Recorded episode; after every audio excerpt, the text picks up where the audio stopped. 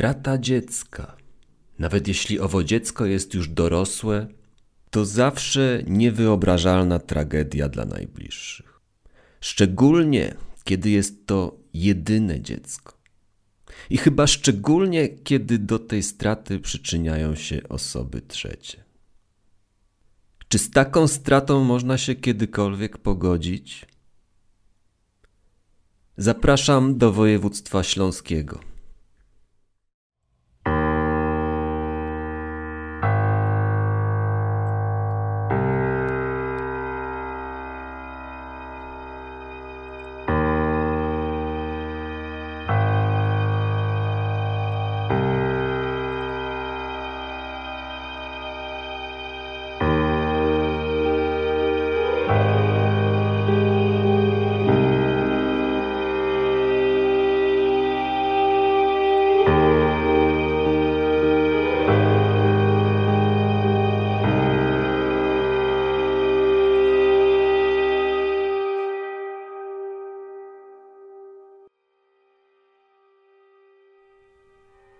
Dziś zakotwiczymy w województwie śląskim, choć w mieście, które z samym Śląskiem ma niewiele wspólnego.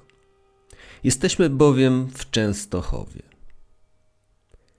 Jest rok 2000. Częstochowa to duże 250-tysięczne miasto. Ku uciesze jednych i niezadowoleniu innych znana jest przede wszystkim z mieszczącej się tu bazyliki i klasztoru na Jasnej Górze głównego polskiego ośrodka kultu maryjnego i najważniejszego centrum pielgrzymkowego. Niespełna dwa lata temu, za sprawą nowego podziału administracyjnego Polski, rozpoczął się proces powolnej degradacji miasta. Wtedy to bowiem zniknęło z mapy województwo częstochowskie, a Częstochowa, pomimo prób i starań władz miasta i jego mieszkańców, przestała być miastem wojewódzkim i została włączona do nowo utworzonego województwa śląskiego. Częstochowa stała się tym samym największym polskim miastem niewojewódzkim.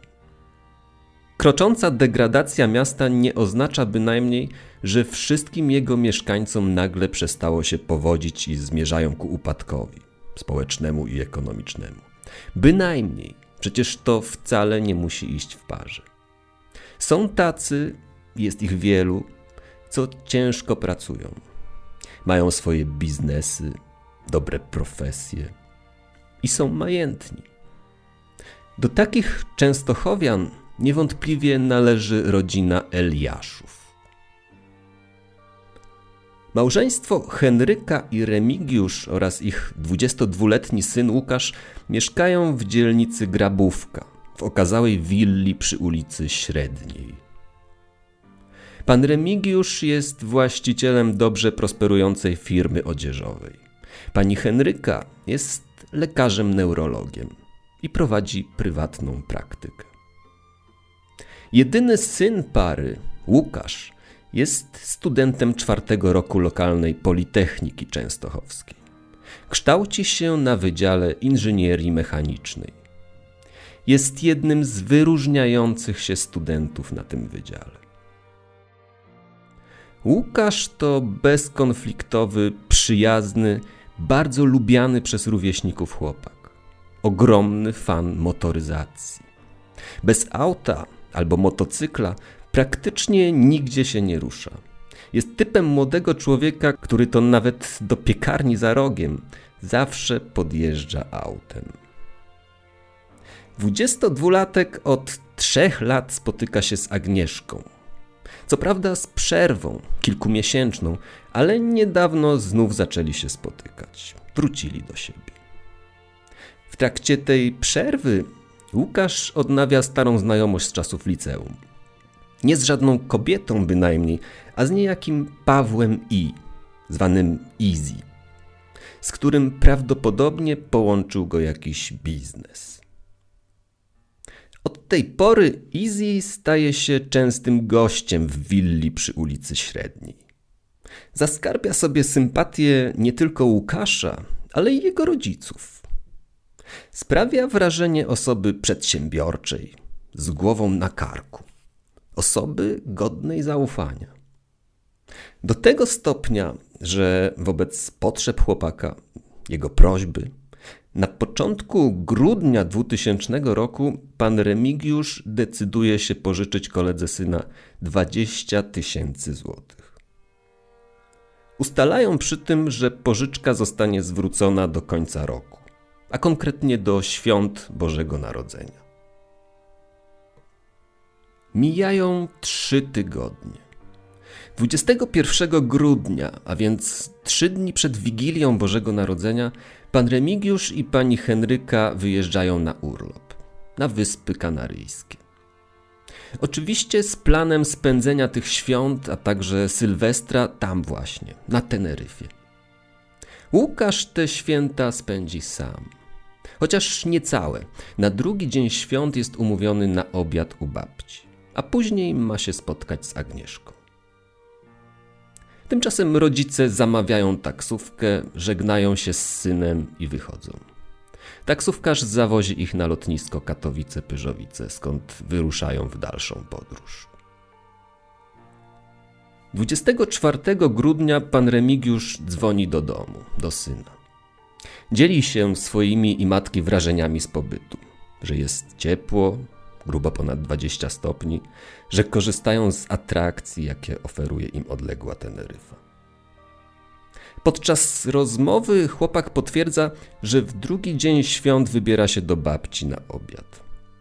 Pan Remigiusz przypomina sobie też o długu Pawła, który ten miał zwrócić do świąt. Pyta więc syna, czy Easy był z pieniędzmi. Łukasz potwierdza, ale ojciec wyczuwa w głosie zawahanie i nutę niepewności. Mijają kolejne dwa dni.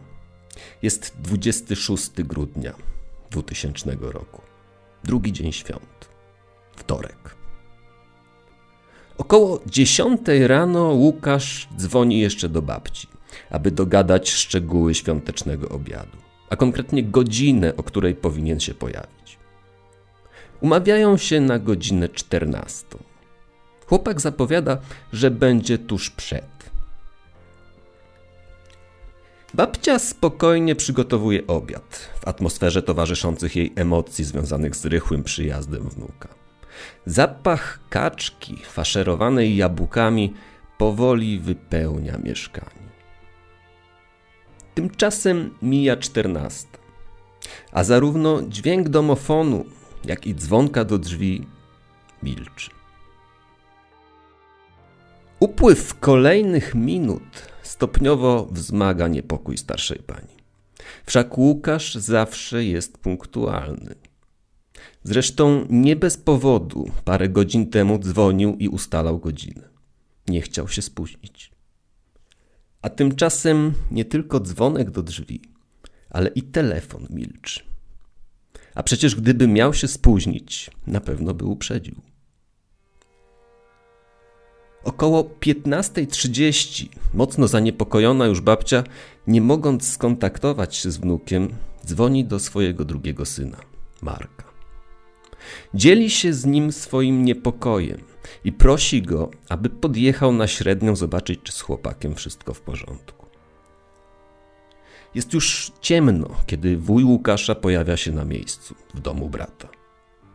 Pierwsze, co wzbudza pewien niepokój, a przynajmniej zastanowienie, to obecność wszystkich samochodów należących do Eliaszów. Jeden stoi na posesji przed domem, a dwa kolejne w garażu.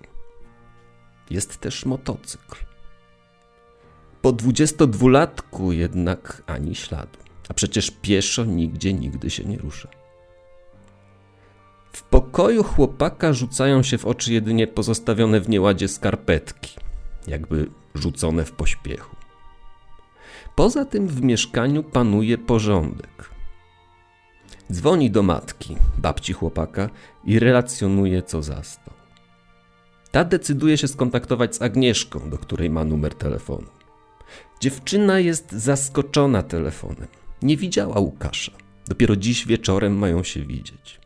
I nie wie, gdzie może być. Niedługo później i ona, zaniepokojona, pojawia się w domu przy średniej. Po rekonesansie wnętrza stwierdza brak kurtki chłopaka, a z dokumentów znajduje jedynie jego paszport.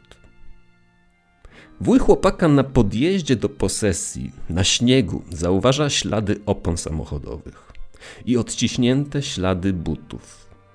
Trzech różnych, mogące sugerować obecność w tym miejscu trzech osób. Mija noc. Nazajutrz, pierwszego dnia po świętach, jako że student w dalszym ciągu nie pojawił się w domu, ani jakkolwiek nie skontaktował się z rodziną, sprawa zostaje zgłoszona na policję.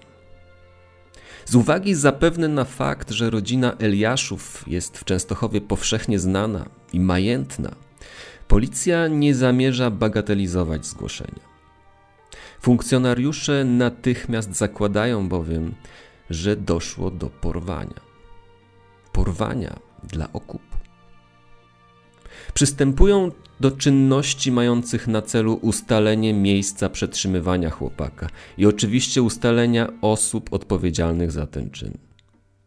Śledczy zakładają podsłuchy na telefony rodziny, mając przekonanie, że lada chwila porywacze będą dzwonić z żądaniem okupu.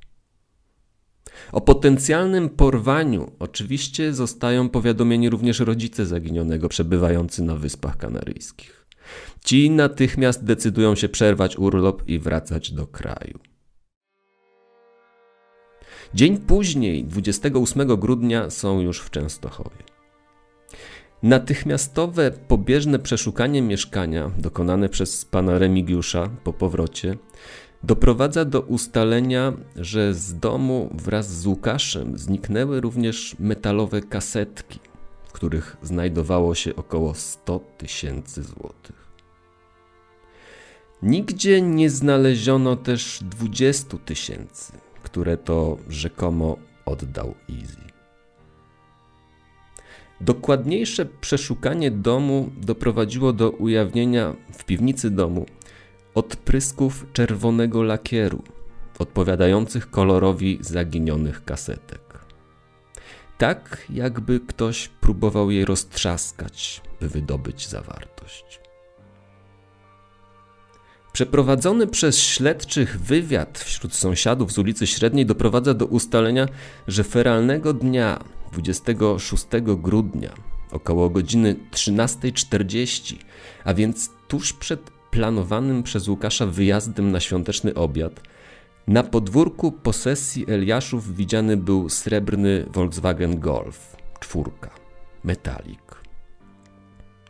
Po rozmowie z panem Remigiuszem szybko okazało się, że takim samochodem porusza się Paweł, Easy. Easy zostaje przesłuchany ma wytłumaczenie na pytanie o cel jego wizyty 26 grudnia u Łukasza. Ale po kolei, bo Easy składa szerokie wyjaśnienia. Zeznaje, że już 22 grudnia był przygotowany na oddanie długu Eliaszowi. Umówili się do pubu u Włocha. Wtedy chciał oddać pieniądze, ale Łukasz prosił, aby nie przywoził tam takiej kwoty, bo nie chciał wracać z takimi pieniędzmi sam do domu. Umówili się więc na dzień następny w domu Łukasza. Przyjechał więc, zgodnie z umową, około 14. Kolega otworzył mu drzwi, przeszli do kuchni i tam zwrócił pieniądze umieszczone w białej kopercie. Wówczas w trakcie tego spotkania Łukasz zwierzył mu się, że poprzedniego wieczora widział na terenie swojej posesji dwóch nieznanych mężczyzn. Miał wrażenie, że dom jest obserwowany. Kolejny raz w domu Łukasza Easy był w pierwszy dzień świąt. Siedzieli w domu, rozmawiali. Wychodzili też na zewnątrz, na posesję, posprawdzać coś w samochodach. A kolejnego dnia, feralnego 26 grudnia, kiedy to był widziany przez sąsiadów, przyjechał, ponieważ zgubił portfel i chciał zapytać, czy przypadkiem go tam nie zostawił. Według zeznań Iziego to była bardzo krótka wizyta, bo Łukasz spieszył się do babci. Śledczy prześwietlili telefon Pawła. Okazało się, że 26 grudnia, dokładnie o godzinie 13.41, a więc w czasie, kiedy był widziany na posesji Eliaszów, wykonane było z niego połączenie na numer alarmowy 112. Połączenie odebrano na komendzie miejskiej policji w Częstochowie, jednak po zaledwie dwóch sekundach zostało przerwane. Czy w krytycznej sytuacji mógł chcieć skorzystać z niego Łukasz? Funkcjonariusze śledczy postanowili bliżej przyjrzeć się osobie Pawła I. Ich uwagę przykuła sytuacja finansowa chłopaka. Okazało się, że nie rysowała się ona w różowych barwach. Był mocno zadłużony u wielu osób.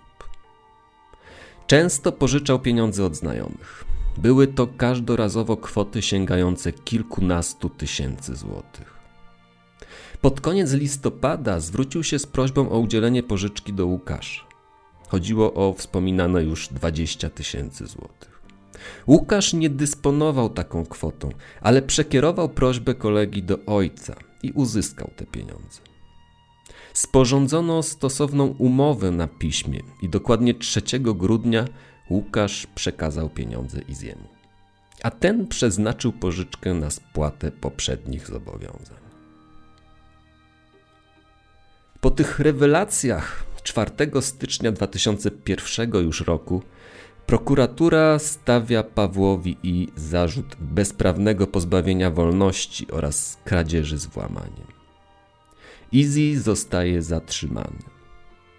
Próbuje tłumaczyć, że nie ma nic wspólnego z zaginięciem Łukasza, a pieniądze na zwrot długu wobec Eliaszów uzyskał od swojej dziewczyny i zgodnie z umową spłacił dług. Jednak częstochowscy śledczy nie dają wiary tym wyjaśnieniom. Paweł I trafia do aresztu na trzy miesiące. Mijają dni, mijają tygodnie. W tak zwanym międzyczasie powstaje pierwsza Wikipedia w języku angielskim. George W. Bush zostaje zaprzysiężony na 43. prezydenta Stanów Zjednoczonych. Na rodzinnym podwórku do kin wchodzi film Pieniądze to nie wszystko w reżyserii Juliusza Machulskiego. Rodzi się nowa partia polityczna Platforma Obywatelska. A tymczasem odzewu ze strony porywaczy Łukasza brak. Czy to nie dlatego, że mózg operacji od początku jest na oku śledczych, a aktualnie siedzi w areszcie? To daje do myślenia. Z jednej strony sugeruje słuszność podejrzeń wobec aresztowanego, z drugiej budzi niepokój. Wciąż bowiem nie ma odpowiedzi na pytanie, gdzie jest Łukasz. Do czasu. Jest 7 lutego 2001 roku. Środa. Godzina 16. Na komendzie powiatowej policji w Zawierciu dzwoni telefon. Między Kroczycami a pobliską miejscowością Lgota Murowana w powiecie zawierciańskim Przypadkowi przechodnie znajdują ciało młodego 20-30-letniego mężczyzny. Leży w leśnych zaroślach. Zwłoki są częściowo spalone. Krótko po zgłoszeniu na miejsce pojawiają się funkcjonariusze. Denat leży na plecach z przykurczonymi nogami. Ręce ma skrępowane drutem. Tułów jest częściowo zwęglony, głównie w okolicy biodrowej. Wstępna identyfikacja pozwala ustalić, że zwłoki mogą należeć do zaginionego Częstochowianina. Późniejsze wyniki badań DNA nie pozostawią wątpliwości. To ciało 22-letniego Łukasza Eliasza. Nie udaje się jednak ustalić bezpośredniej przyczyny zgonu.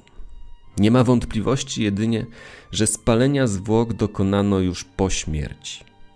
Polano ciało łatwopalną cieczą i zainicjowano pożar przy użyciu zapałki lub zapalniczki. Ponadto ustalono, że spalenia dokonano prawdopodobnie dzień przed znalezieniem ciała. Dotarto do świadków, którzy 6 lutego przejeżdżali drogą oddaloną o 200 metrów od miejsca znalezienia zwłok i widzieli łunę pochodzącą jakby od gwałtownie rozpalonego ognia. Wiadomo już, że zaginięcie młodego chłopaka zakończyło się tragicznie. W dalszym ciągu jednak tajemnicą pozostają okoliczności, w jakich 22-latek stracił życie. Nieznane są też osoby, które się do tego bezpośrednio przyczyniły. W toku dalszych czynności śledczy ustalili, że Łukasz rzeczywiście mógł się obawiać, że jego dom jest obserwowany.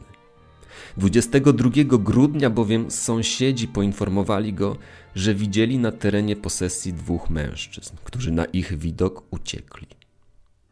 Nie potrafili jednak podać rysopisu, który mógłby pchnąć sprawę do przodu. Informacja o intruzach musiała mocno zaniepokoić samotnie pozostałego na Włościach studenta, bowiem następnego dnia, 23 grudnia, skontaktował się w tej sprawie z agencją ochroniarską. Nie zdecydował się jednak ostatecznie na ich usługi. Świadkowie zeznali ponadto, że srebrnego Volkswagena Golfa feralnego 26 grudnia widzieli przed domem Eliaszów również mniej więcej od godziny 10 do 13. W mieszkaniu Pawła I z kolei ujawniono list. List pożegnalny autorstwa Iziego, skierowany do jego dziewczyny, którego treść wskazuje, iż może popełnić samobójstwo bądź może zostać sprzątnięty z tego świata przez osoby, którym jest winien pieniądze. List opatrzony jest datą 22 grudnia. Co ciekawe, w tej sprawie dotarto do świadków dość licznych, których zeznania poddają w wątpliwość fakt porwania. Łukasz był bowiem widziany nawet wiele dni po zaginięciu. I tak na przykład w jeden ze styczniowych wieczorów widziany był w sklepie w oddalonym o 30 km od Częstochowy Janowie. Pojawił się krótko przed zamknięciem sklepu. Kupił kilka piw. 12 stycznia, późnym wieczorem, około 23, widziany był w miejscowości Kostkowice, koło Kroczyc kilka kilometrów od miejsca, w którym później znaleziono jego zwłoki. Pytał jedną z mieszkanek miejscowości, czy może na jej posesji zostawić samochód. Poruszał się bordowym BMW i był w towarzystwie dwóch mężczyzn. Zabrakło im paliwa. Postawili auto na posesji mieszkanki Kostkowic i chodzili po domach w poszukiwaniu benzyny. W bezpośrednich rozmowach do jednego z mężczyzn pozostali zwracali się Juras. Prawdopodobnie udało im się uzupełnić braki paliwa, bo jeszcze tej samej nocy samochodem odjechali. Z kolei 20 stycznia widziany był w barze Pstrąg w miejscowości Kromołów pod Zawierciem. Widziała go barmanka tego baru. Był w towarzystwie dwóch lub trzech mężczyzn i prawdopodobnie jednej młodej kobiety. W tym lokalu widziany był też kilka dni później. Żaden ze świadków nie zauważył, aby Łukasz był pod jakąkolwiek presją ze strony towarzyszących mu osób. Przy okazji prowadzonego śledztwa funkcjonariusze uzyskali informacje o kilku innych porwaniach w regionie. Ofiary miały być przetrzymywane w jednym z obiektów na terenie zawiercia. Przeszukano dokładnie ten budynek. Na jednym z foteli oraz porzuconej tam kominiarce ujawniono włosy należące do Łukasza Eliasza. Ustalono i postawiono przed Częstochowskim Sądem Okręgowym osoby, które dokonały tych porwań. Nie odnaleziono jednak żadnych dowodów na to, że są oni odpowiedzialni za śmierć Łukasza. 26 marca z aresztu wypuszczony zostaje również Easy. Zamieniono mu środek zapobiegawczy na poręczenie majątkowe oraz zakaz opuszczania terenu miasta Częstochowy. Niespełna pół roku później doczekał się uchylenia wszystkich środków zapobiegawczych wobec niego. Nie udało się bowiem wykazać, aby dysponował pieniędzmi, które zostały skradzione z willi przy Średniej. Wyjaśnienia Pawła I korespondowały ponadto z zeznaniami jego dziewczyny, która przyznała, że udzieliła mu w grudniu 2000 roku pożyczki na poczet spłaty długu u Eliaszów. 2 kwietnia 2001 roku na miejsce zdarzeń, choć nie do willi Eliaszów ze względu na brak zgody właścicieli, przyjeżdża ekipa 997 Michała Fajbusiewicza. Realizuje rekonstrukcję zdarzeń. Program zostaje wyemitowany w TVP 26 kwietnia 2001 roku. Wobec braku postępu w śledztwie do sprawy powrócono również w nowym 997 w listopadzie 2019 roku. Nic to nie dało. Odpowiedzialni za zabójstwo Łukasza Eliasza i zbezczeszczenie jego zwłok wciąż nie odpowiedzieli za ten czyn. Śledztwo w tej sprawie zostało umorzone już 3 września 2003 roku. Być może pojawią się nowe okoliczności, które przyczynią się do wznowienia czynności. Może archiwum X zajmie się sprawą. Ale co dość zastanawiające, nikt na decyzję o umorzeniu śledztwa nie złożył zażalenia. Istnieje cały szereg poszlak rzucających cień na osobę Pawła I. Podczas śledztwa reporterskiego ekipy realizującej nowy program 997 w 2019 roku okazało się, że Paweł I już kilkanaście lat temu opuścił Częstochowę. Wyjechał za granicę. Obecnie nie ma z nim kontaktu. Czy możliwym jest, że Easy nie ma nic wspólnego ze śmiercią Łukasza Eliasza i nic nie wie?